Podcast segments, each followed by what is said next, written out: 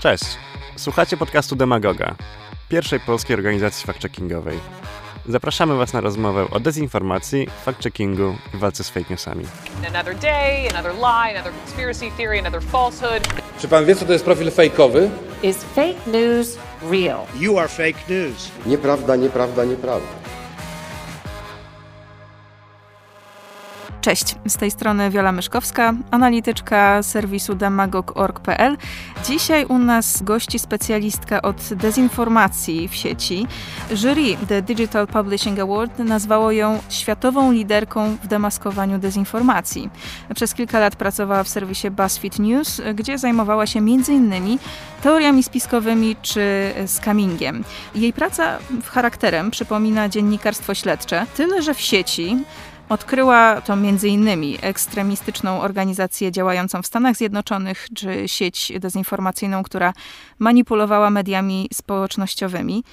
Jane Litwinienko, bo o niej mowa, aktualnie zaangażowana jest w tworzenie platformy badawczej The Media Manipulation Casebook która wykorzystywana jest do poszerzania wiedzy o dezinformacji oraz zagrożeniach, które ze sobą niesie dla demokracji, zdrowia publicznego i bezpieczeństwa.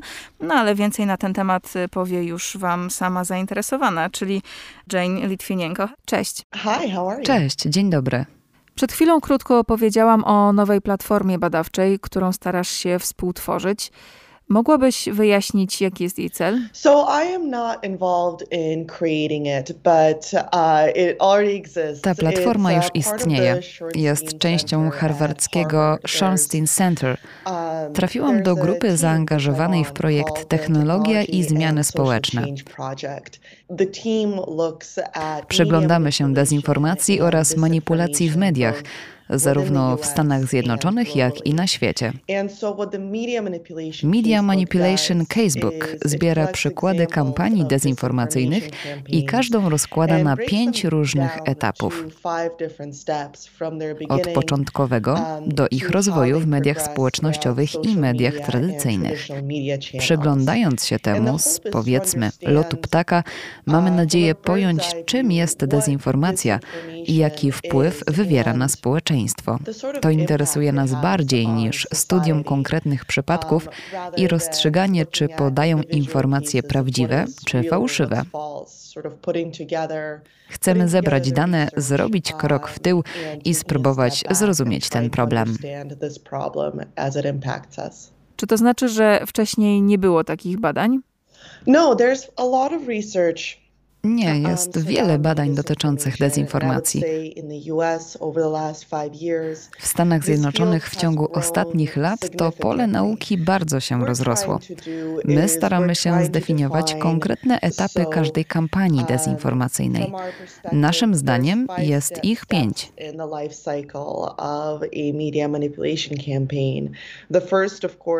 Pierwszym jest oczywiście planowanie kampanii. Piątym to jak się przyjmuje. Staramy się zdefiniować standardy tego, w jaki sposób będziemy patrzeć na kampanie dezinformacyjne, a także te oparte na manipulacji, aby zrozumieć ich skuteczność oraz wpływ. Na stronie projektu przeczytałam, że w ten sposób staracie się stworzyć bazę pod nową dziedzinę nauki krytyczne badania internetu.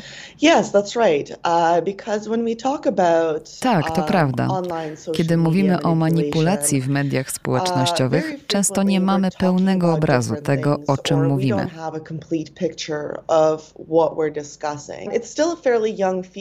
To nadal względnie młoda dziedzina i jeszcze nie wiemy, jak najlepiej ją charakteryzować. Jesteśmy zainteresowani tym, kto tworzy kampanie manipulujące media, jednak głównie skupiamy się na tym, jaki mają oddźwięk i czy w ogóle są skuteczne.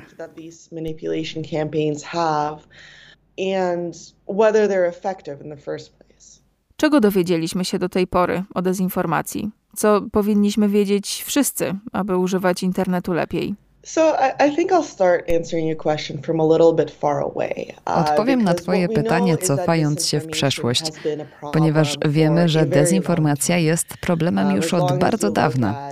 Jeśli spojrzysz na naszą historię, w szczególności na współczesną historię polityczną, jej dużą częścią była propaganda i fałszywe informacje. Ale to, co odróżnia moment, w którym aktualnie się znajdujemy, od przeszłości, to sieciowe rozprzestrzenianie i dezinformacji.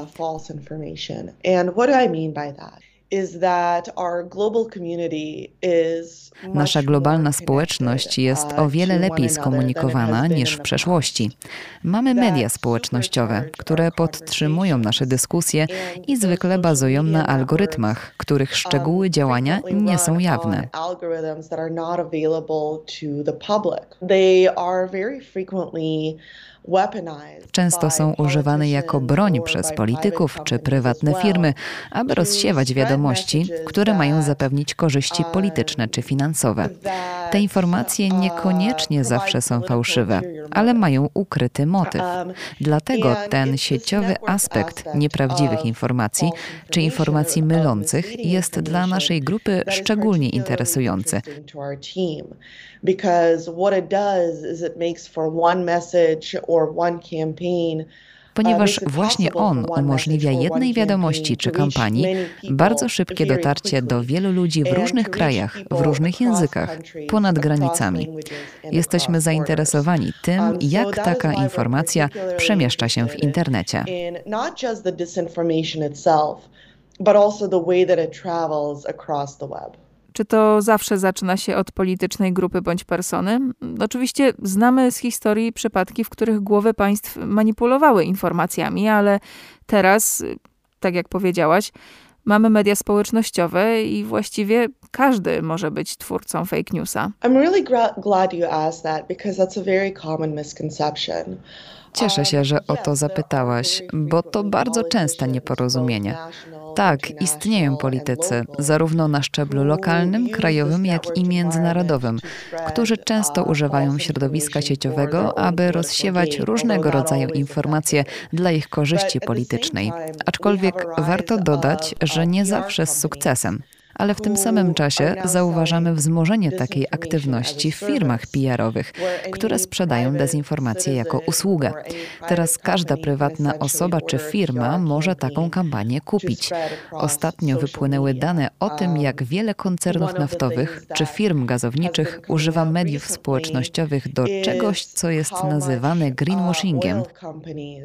Polega on na pokazywaniu ich technologii jako przyjaźniejszej dla środowiska niż jest w istocie. Which is essentially making their technology seem much more environmentally friendly than it is. Hmm. Klasyka gatunku. Yes, of course, classic. Tak, klasyka. Ale innym ważnym aspektem jest to, że każda kampania musi być podchwycona przez użytkowników, aby odniosła sukces.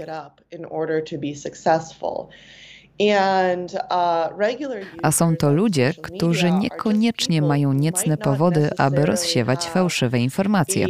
Na przykład Twoja babcia, która mówi, że oddychanie gorącym powietrzem pomoże oczyścić płuca i zachować zdrowie w dobie pandemii. Ona niekoniecznie życzy Ci źle, wręcz przeciwnie. And so a jednym z zagrożeń w środowisku wirtualnym jest to, że kampanie uderzają w zwykłych ludzi, którzy się w nie angażują i posyłają informacje dalej w bliskich kręgach. To samo obserwujemy w przypadku plotek, a plotki czasem są nieszkodliwe, a czasem um, niebezpieczne. Um,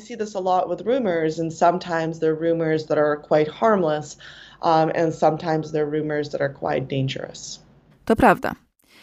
Na Waszej platformie znajdujemy informacje, że istnieje wiele taktyk oraz strategii w prowadzeniu kampanii dezinformacyjnej. Uh, yes, absolutely. So as, as a part of our um... Oczywiście, staramy się rozwinąć odpowiedni język, którym będziemy się posługiwać, opisując te kwestie, ponieważ wierzymy, że jeśli dobrze ją opiszemy, lepiej zrozumiemy, co się dzieje na różnych platformach. Um, on the platforms themselves. So Um, Można na to spojrzeć w ten sposób. Jeśli zobaczysz w sieci jakiś film, musisz wiedzieć, że może on wprowadzić cię w błąd. Po pierwsze, być może trwał on dwie minuty, ale osoba, która go opublikowała, wycięła z niego tylko 15 sekund, a to 15 sekund przedstawia sprawę zupełnie inaczej niż całe dwie minuty.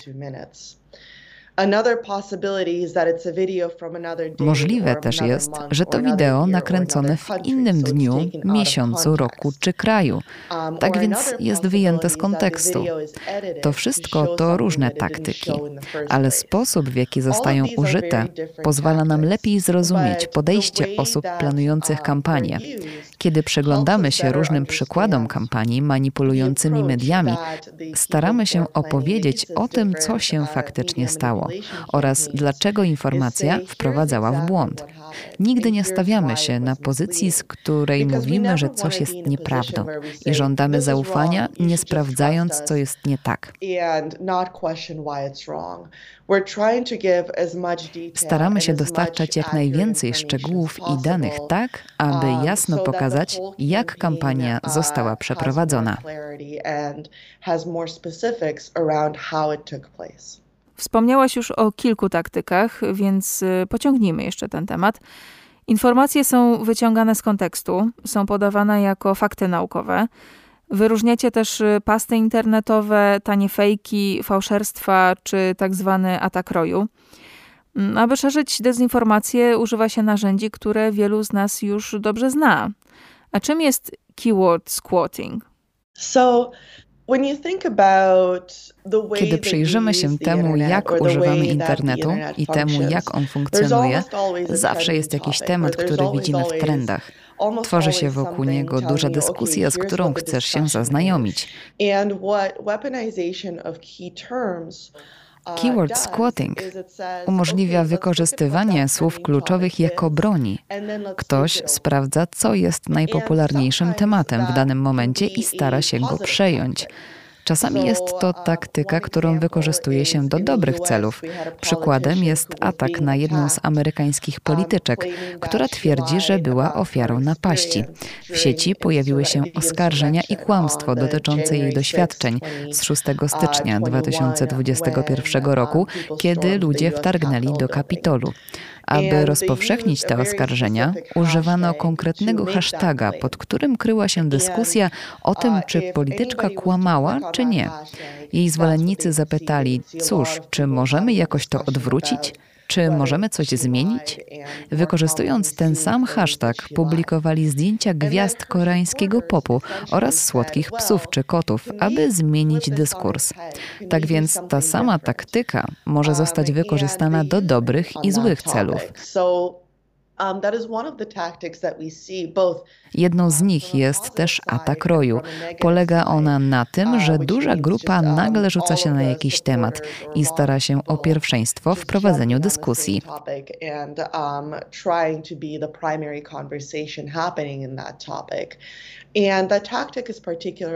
Ta taktyka jest szczególnie ważna, ponieważ algorytmy w mediach społecznościowych zazwyczaj nie mówią ci, dlaczego dany temat jest w trendach.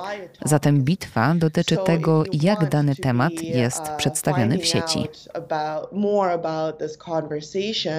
It's a real battle um, in terms of how that information is presented, how that conversation is presented. Mm, brzmi jak mój zwykły poniedziałkowy poranek na Twitterze. Sprawdzam trendy i nie mam pojęcia o co chodzi.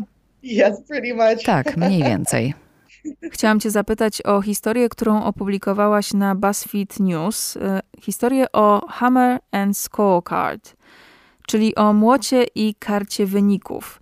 Historia, o której w Polsce, takie mam wrażenie, nie było głośno, a to przykład taktyki, która została nazwana przez Was sloganami wirusowymi. Yes, the Przywołany przez Ciebie przykład był częścią mitów, którymi obrosły ostatnie wybory w Stanach Zjednoczonych. Powstawało wtedy wiele plotek, które nie miały nic wspólnego z rzeczywistością. Jedną z nich jest właśnie Hammer and Scorecard. To teoria spiskowa, na poparcie której nie ma żadnych dowodów. Mówi o tym, że istnieje tajny system komputerowy Hammer and Scorecard, który był używany, aby wykradać głosy dla aktualnego prezydenta Joe Bidena. Biden. Um, and jak wiele podobnych plotek, atakowała ona wiarygodność maszyn do głosowania. W myśl teorii spiskowej, bardzo inteligentny, bardzo tajny komputer kontrolował te maszyny um, i zmieniał głosy oddane na Donalda Trumpa na korzyść Joe Bidena. To wszystko było nieprawdą, ale było skuteczne, dlatego że słowa hammer, czyli młot, oraz scorecard, karta do głosowania, nigdy wcześniej nie były użyte razem w sposób intencjonalny. Każdy, kto wyszukiwał te dwa słowa w dniu wyborów i dzień później, mógł być wystawiony na tę fałszywą teorię.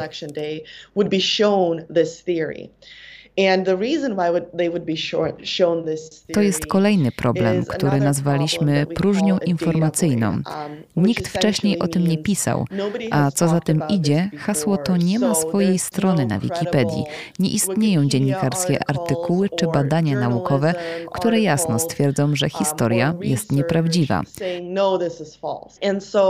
Dlatego teoria spiskowa Hammer and Scorecard jest świetnym przykładem sloganu wirusowego, ponieważ określenie to zostało stworzone tak, aby jedynym źródłem dostępnym dla zwykłego użytkownika na ten temat była wyłącznie sama teoria spiskowa. Która z taktyk szerzenia dezinformacji jest najbardziej niebezpieczna? uh... To trudne pytanie, bo każda z nich może być użyta przez aktywistów do przekazywania pozytywnej wiadomości i przez czarne charaktery do popularyzowania tych um, negatywnych. Ale w kontekście nieprawdziwych informacji, tych, które um, wyglądają na najbardziej przekonujące, górują filmiki. Ma to oczywiście źródło w starym porzekadle zobaczyć to uwierzyć. Kiedy ludzie oglądają nagranie wideo, są przekonani, że to, co widzą, to prawda.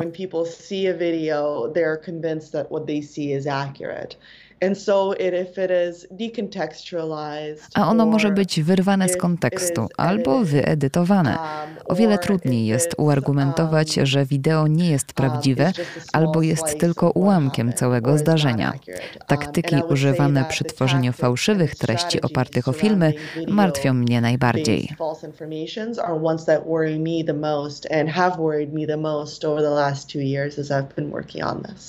Czyli chodzi nie tyle o taktyki, co o medium, którym przekazywane są fałszywe informacje.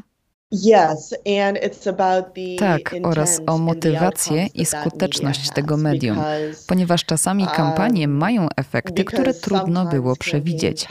To też musimy mieć z tyłu głowy. Uh,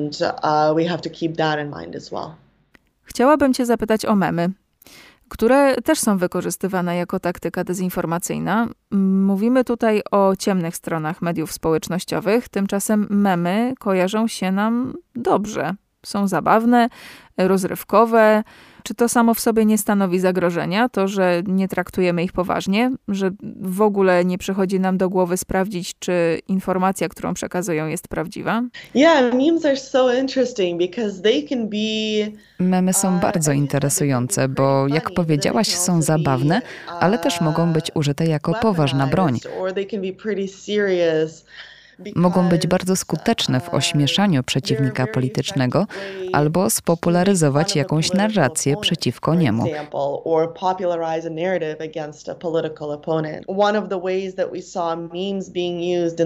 Jednym z przykładów użycia memów w Stanach Zjednoczonych były treści sprzeciwiające się emigracji. Jestem bardzo ciekawa, jak memy wykorzystywane są w Polsce w kontekście politycznym, ponieważ, co oczywiste, każdy zakątek świata ma swoją kulturę, a ta kultura przekłada się na różne typy działalności w sieci. Memy w Stanach i Kanadzie będą inne niż te, które przeciwnicy polityczni rozprzestrzeniają na Filipinach czy w Polsce.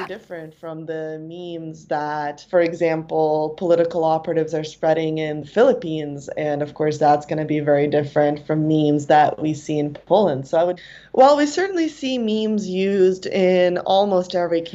Memy używane są w prawie każdej kampanii.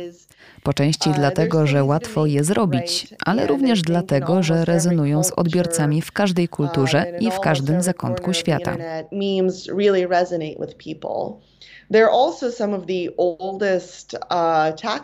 To również jedna z najstarszych taktyk, jakie znamy.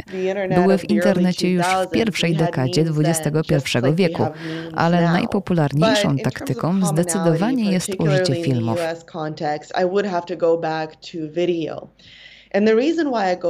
Chciałabym wrócić do tego tematu, ponieważ w ciągu ostatniego roku byliśmy świadkami wielu wydarzeń, w których wideo było bardzo skuteczne w szerzeniu dezinformacji. Pierwsza połowa roku to um, oczywiście wielka dyskusja na temat pandemii COVID-19. Najpierw pojawiły się um, memy, ale później w sieci zaczęto publikować filmy dokumentalne, które szerzyły fałszywe informacje. Ta taktyka nadal się rozprzestrzenia i um, przekonuje ludzi o nieprawdziwości faktów na temat COVID-19. Później w Stanach były protesty w ramach Black Lives Matter. W tym przypadku filmy były wykorzystane w inny sposób najczęściej jako wiadomości wyciągnięte z kontekstu, aby pokazać, że protestujący byli agresywni albo prowokowali do przemocy. Some of the most common tactics that we saw during the Black Lives uh, Matter protests Oczywiście przemoc się zdarzała, ale te filmy ukazywały protesty w takim świetle, jakby agresja była tam na porządku dziennym. Wymazały wszystkie obrazy, które um, pokazywały je jako pokojowe. Zmieniły one u widzów na całym świecie postrzeganie żądań protestujących, a kiedy zaczęła się kampania prezydencka, szczególnie w październiku i listopadzie, byli ludzie, którzy próbowali filmować maszyny do głosowania albo incydenty w sztabach, aby później opublikować je bez kontekstu. I znów prezentowały one zupełnie inny obraz tego, co się wtedy działo. Myślę, że ważne jest, abyśmy spojrzeli na cały poprzedni rok kompleksowo. Jeśli w pierwszej części roku ktoś był bombardowany fałszywymi informacjami na temat COVID-a, Później zobaczył, że protesty były pełne agresji, a jeszcze później, że wybory zostały sfałszowane, to otrzymał bardzo przerażający obraz Stanów Zjednoczonych. I nawet jeśli ten obraz nie był prawdziwy, wielu ludzi w niego uwierzyło przez ciągłe powtarzanie tych informacji w mediach, na które byli wystawieni. To mogło um, zmienić postrzeganie kraju, w którym mieszkają. Um,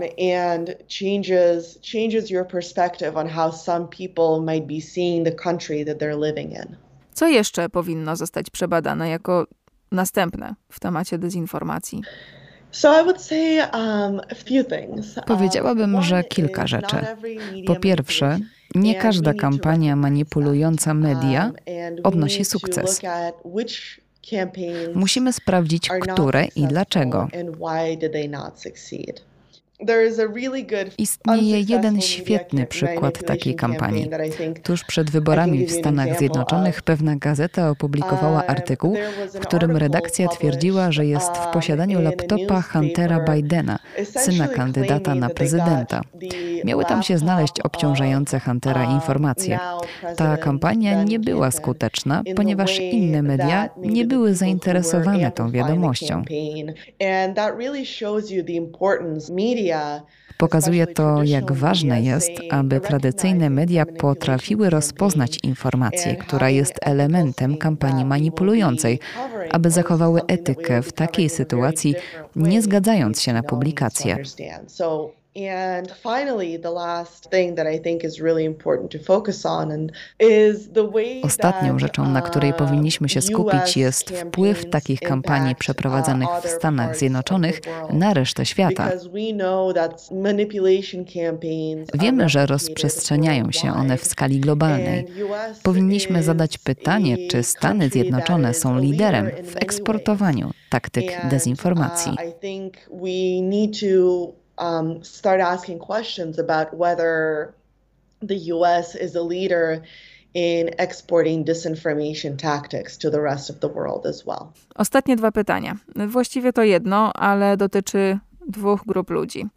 Jaką radę dałabyś tym, którzy są wystawieni na manipulacje w sieci? Po pierwsze, dziennikarzom, ponieważ sama jesteś dziennikarką i być może zaobserwowałaś e, słabe punkty mediów tradycyjnych w tym temacie. A po drugie, zwykłym użytkownikom, jak można się chronić przed manipulacją? Cieszę się, że rozbiłaś to pytanie na dwie części, ponieważ trzeba spojrzeć na te kwestie z tych dwóch um, punktów widzenia.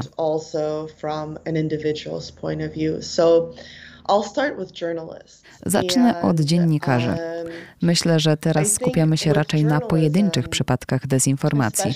Staramy się wytłumaczyć naszym odbiorcom, dlaczego ta jedna wiadomość, film czy mem jest fałszywy this one video is out of context. And that is really, really important because Myślę, że to um, bardzo ważne, ponieważ ludzie muszą wiedzieć, gdzie pójść z pytaniem, czy to, co znaleźli w sieci, jest prawdą. Ale równie ważne jest dziennikarstwo uh, śledcze, które opowie o tym, kim są ludzie, którzy korzystają i pracują nad tymi kampaniami jak się one rozprzestrzeniają i jakie są ich efekty. Bez spojrzenia na ten większy obrazek nie zrozumiemy tego problemu i nie będziemy mogli zadawać trudnych pytań politykom czy firmom. A taka jest rola dziennikarstwa. Taka praca śledcza jest bardzo ważna, szczególnie w tak kluczowym momencie, w jakim jesteśmy, kiedy sprawdzamy, jaka jest rola mediów społecznościowych w naszym życiu. Natomiast w przypadku użytkowników sieci jest kilka kluczowych elementów. Po pierwsze, zrób wszystko, aby zbudować wokół siebie odpowiednie środowisko medialne. Zawsze będziemy mieć wokół siebie fałszywe informacje, ale jedną z rzeczy, które możemy zrobić, to zdecydować, którym organizacjom ufamy. Może są tacy dziennikarze albo organizacje pozarządowe. Możemy czerpać informacje od nich. Zdaję sobie sprawę, że w każdym kraju spotkamy się z innymi wyzwaniami, ponieważ kwestia wolności mediów to ogromny problem na całym świecie. Ale nadal są takie organizacje, którym obywatele mogą zaufać, wspierać je i obserwować w mediach społecznościowych, aby zbudować takie środowisko, które będzie dostarczać im rzetelnej informacji. A jeśli zobaczysz, że ktoś udostępnił fałszywą informację, ważne, aby nie kłócić się o to publicznie. Z psychologicznego punktu widzenia taka osoba tylko uprze się przy swoim zdaniu. Nikt nie lubi, kiedy wytyka mu się błędy. Ja tego nie lubię. Ważne, abyśmy podchodzili do tego z empatią. Spróbujmy znaleźć prawdziwą informację i wysłać ją takiej osobie w prywatnej wiadomości. Unikanie konfrontacji jest bardzo istotne. Dezinformacja nie jest problemem, który rozwiążemy indywidualnie. Musimy go rozwiązać jako społeczeństwo, ale bycie świadomym tej kwestii i podejmowanie drobnych kroków zdecydowanie się do tego przyczyni. Dziękuję, Jane, że zgodziłaś się z nami porozmawiać i trzymamy za ciebie kciuki. Dziękuję za zaproszenie. W podcaście Demagoga kościła Jane Litwinienko. Oczywiście bardzo polecamy sprawdzać, nad czym Jane teraz pracuje. Polecamy jej artykuły, które już się ukazały, na przykład na BuzzFeed News, ale też e, w ramach platformy badawczej The Media Manipulation Casebook. Pozostaje mi tylko zaprosić Was na następny odcinek naszego podcastu, no albo sprawdzić nasze poprzednie odcinki. Oczywiście zapraszamy też na naszą stronę demagog.org.pl. Bardzo dziękuję, do usłyszenia. Wiola Myszkowska.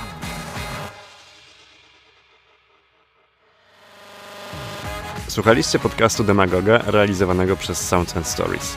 Więcej informacji o nas i naszej pracy znajdziecie na stronie demagog.org.pl i w naszych mediach społecznościowych. Do usłyszenia.